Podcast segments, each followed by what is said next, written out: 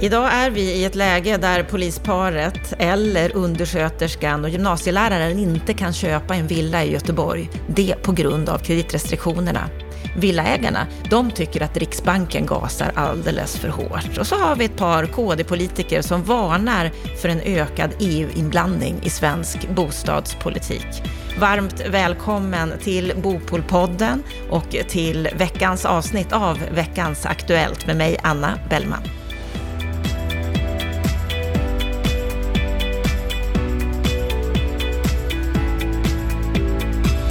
Vi börjar veckans Aktuellt med en debattartikel i Göteborgs-Posten som Björn Wellhagen, VD på Mäklarsamfundet, har skrivit angående att det är människor som hindras att köpa lägenheter. Vad är det han ger uttryck för här, Stefan Attefall? Ja, Mäklarsamfundet har ju gjort en undersökning över hur amorteringskraven slår för ett antal vad han kallar samhällsbärande yrkesgrupper, poliser, lärare och barnomsorgs och vårdpersonal. Och så har han gjort ett antal räkneexempel där med eh, gymnasielärare och sjuksköterska med barn, en undersköterska med ett barn. Och då tar han fram sådana siffror som exempel att ett polispar med två barn och en gemensam månadsinkomst på 69 800. Eh, de nekas bolån för att kunna köpa en genomsnittlig villa i Göteborg eller Kungsbacka. Och han har också exempel från fritidspedagoger och så. Alltså det, det är hur bolånetak, amorteringskrav och liknande saker slår mot olika grupper, ganska normala inkomsttagare. Och visar på hur, hur effekten blir av amorteringskraven helt enkelt. Och det här är ju inget nytt, det är många som har visat på effekterna. Finns det något ja. nytt i det, i det han säger här? Nej, det är väl snarare att han visar på att det här också berör Göteborg och Kungsbacka och att han har gjort konkreta räkneexempel. Eh, och det här visar ju på att eh, de här, ska säga, kreditrestriktionerna som vi har, de får fördelningspolitiska konsekvenser. Och de kommer inte alltid fram i ljuset och de här förnekas ju lite grann av, av eh, exempelvis Finansinspektionen.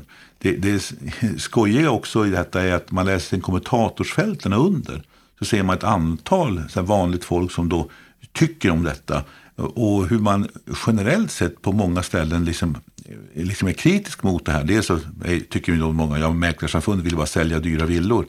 Men eh, eh, sakargumenten ska man värdera efter sakargument, inte efter vem som, vem som är avsändare. Men det, det, oron ligger i att vi har för höga priser och att vi har för mycket skulder. Men ingen reflekterar över att skälet till att vi har faktiskt många eh, höga skulder, det är att priserna är höga därför att vi har låga räntor. Och vi har goda balansräkningar hos hushållen. Och då har Lars-Ego Svensson och många andra visat att folk har ju faktiskt mycket tillgångar och man har god förmåga att betala räntorna. För räntorna är låga och ser ut att vara låga lång tid framåt. Därför har vi höga skulder. En hög skuld är ju inte ett problem om man kan betala räntorna och om man har en god balansräkning, om man har buffertar. Och där finns i folk en, tror jag, svårt att ta in att man faktiskt eh, har, kan ha en hög skuld och ha god ekonomi samtidigt. Men det är väl inte bara folk, tänker jag, som har svårt att ta in det här, för det är ju retoriken från politiskt håll. Ja, och det är den retoriken som Finansinspektionen med flera eh, kör med. Och den går ju hem, den har en viss klangbotten. Därför att intuitivt så tycker du ju att priserna är höga och folk har höga skulder. Men det är ju skulden i relation till betalningsförmåga och tillgångar som är det intressanta. Inte om den är på en krona eller tio kronor eller hundra kronor din skuld. Utan det är ju faktiskt relationen till hur mycket pengar får du in varje månad och hur ser dina ska säga, värdena ut på dina tillgångar. Belåningsgraden kan man säga. Det är den som är intressant. Inte om lånet är litet eller stort. Och här har ju Villaägarnas riksförbund, deras chefsekonom Håkan Larsson, gått ut och kritiserat Riksbanken för att de ju skapar en osund marknad. Ja, och det är intressant att villaägarna oroar sig för höga villapriser. Eh, det borde gynna deras medlemmar. Men hans poäng är ju att det är inte bara låga räntor utan eh, Riksbanken köper ju också mycket eh, bostadsobligationer. Och när man köper bostadsobligationer så hjälper man till att pressa ner räntorna. Och därmed blir räntorna låga och därmed stiger också priserna på exempelvis villor. Så att vad, vad Håkan Larsson menar är enkelt att vi har en alltför expansiv, en alltför ska vi säga, aggressiv penningpolitik och han vill ha mer balanserad penningpolitik för att få en lugnare utveckling på, på eh, villamarknaden. Det som är intressant är ju att han pekar ju faktiskt på det viktiga sambandet. Det är ju att den räntepolitik som förs den är ju en av de viktiga orsakerna till att priserna stiger tillsammans med att folk har pengar i plånboken och har god efterfrågan. För det är faktiskt också sanningen. De som är inne på den här köpta marknaden och, och, som kan köpa nya bostäder, de har ju ofta fasta jobb och har en god ekonomi.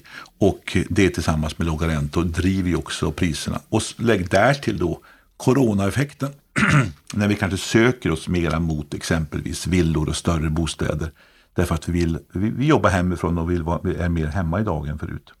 Hur borde Riksbanken agera i det här läget som vi är i just nu för att det inte ska bli den här osunda prisökningen? Jag, jag, delar ju uppfattningen att Riksbanken ska ha en expansiv penningpolitik när vi inte har ett inflationshot. Eh, men det är klart att hur aggressiva de ska vara i det avseendet, det kan man alltid diskutera. Eh, jag tycker ju att man kanske eh, ska vara lite lugnare, exempelvis på att köpa bostadsobligationer, för att ha en lite mjukare politik. Men å andra sidan, Riksbankens uppgift är att hålla inflationsmålet, det är deras huvudfokus.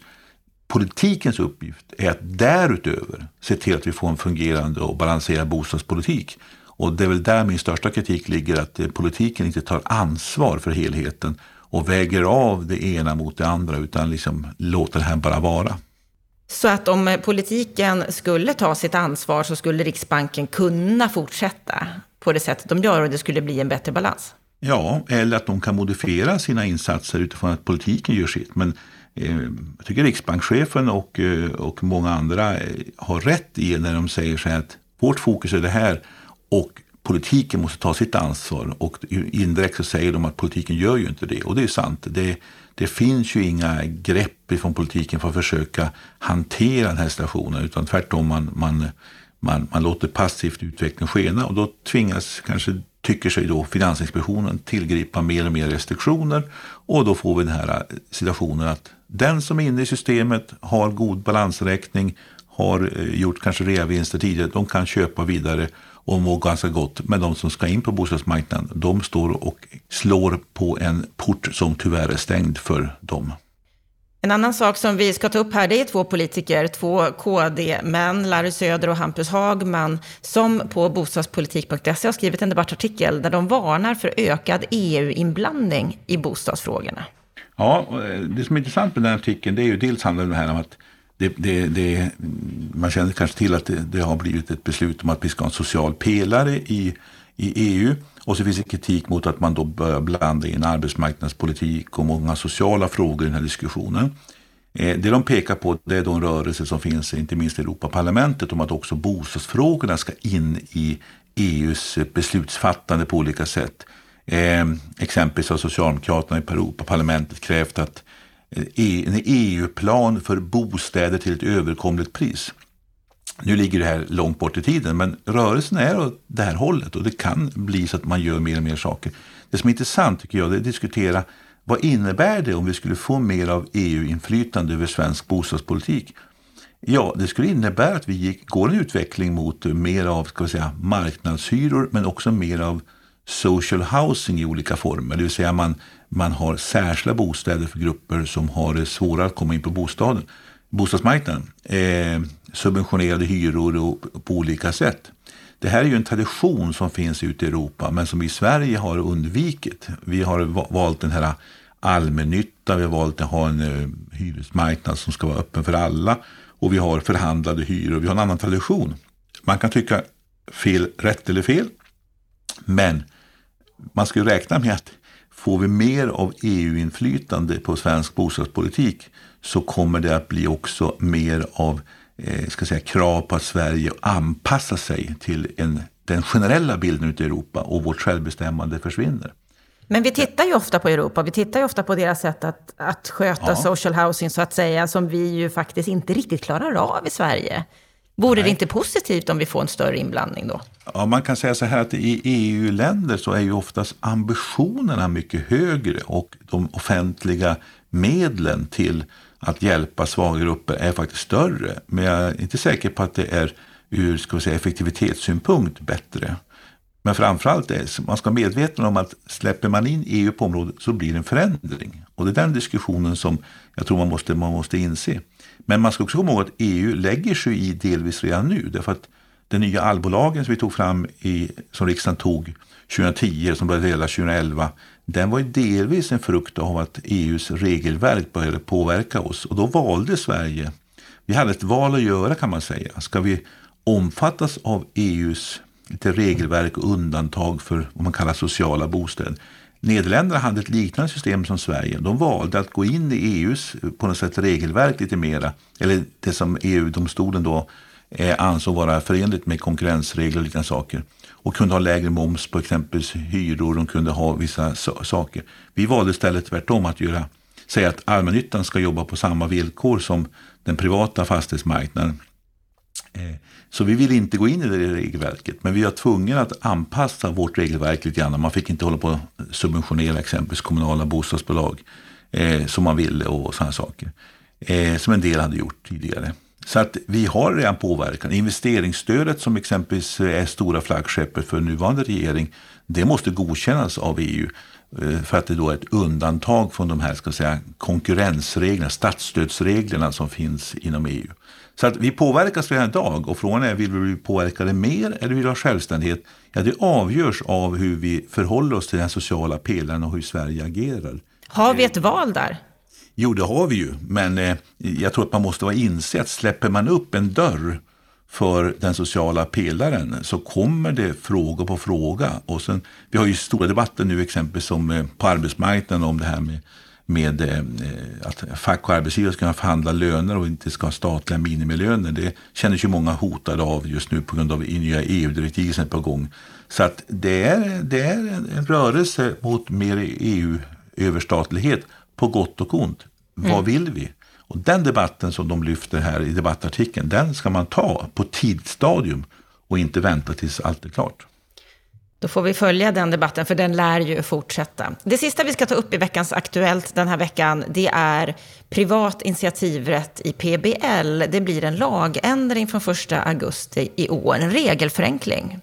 Ja, det är en, ett, ett, eh, redan tidigare så har man ju då haft en regel som har sagt att man kan begära planbesked. Det vill säga jag vill veta, kan jag få påbörja ett planarbete? Och så får man en tidsplan, eh, ungefär då kan vi börja, ja eller nej. Eh, nu kommer då ett lagändring som säger att man ska också kunna begära att få veta vilket planeringsunderlag krävs. Eh, Eh, man ska också kunna begära yttrande från Länsstyrelsen och få reda på Länsstyrelsens preliminära bedömningar. Och det här skapar då förutsättningar för att du både ska veta vad kommer att hända när planarbetet dras igång men också själv kunna förbereda. Vilka utredningar måste man göra? Kanske man kan dra igång dem själv, bekosta dem själv eh, och därmed skapar man både ska vi säga, förutsägbarhet och man kan förbereda sig och därmed påskynda själva detaljplaneprocessen. Eh, det här är en eh, välkommen sak som jag tycker är positivt och byggföretagen de hyllar ju att det här är ett steg åt rätt håll.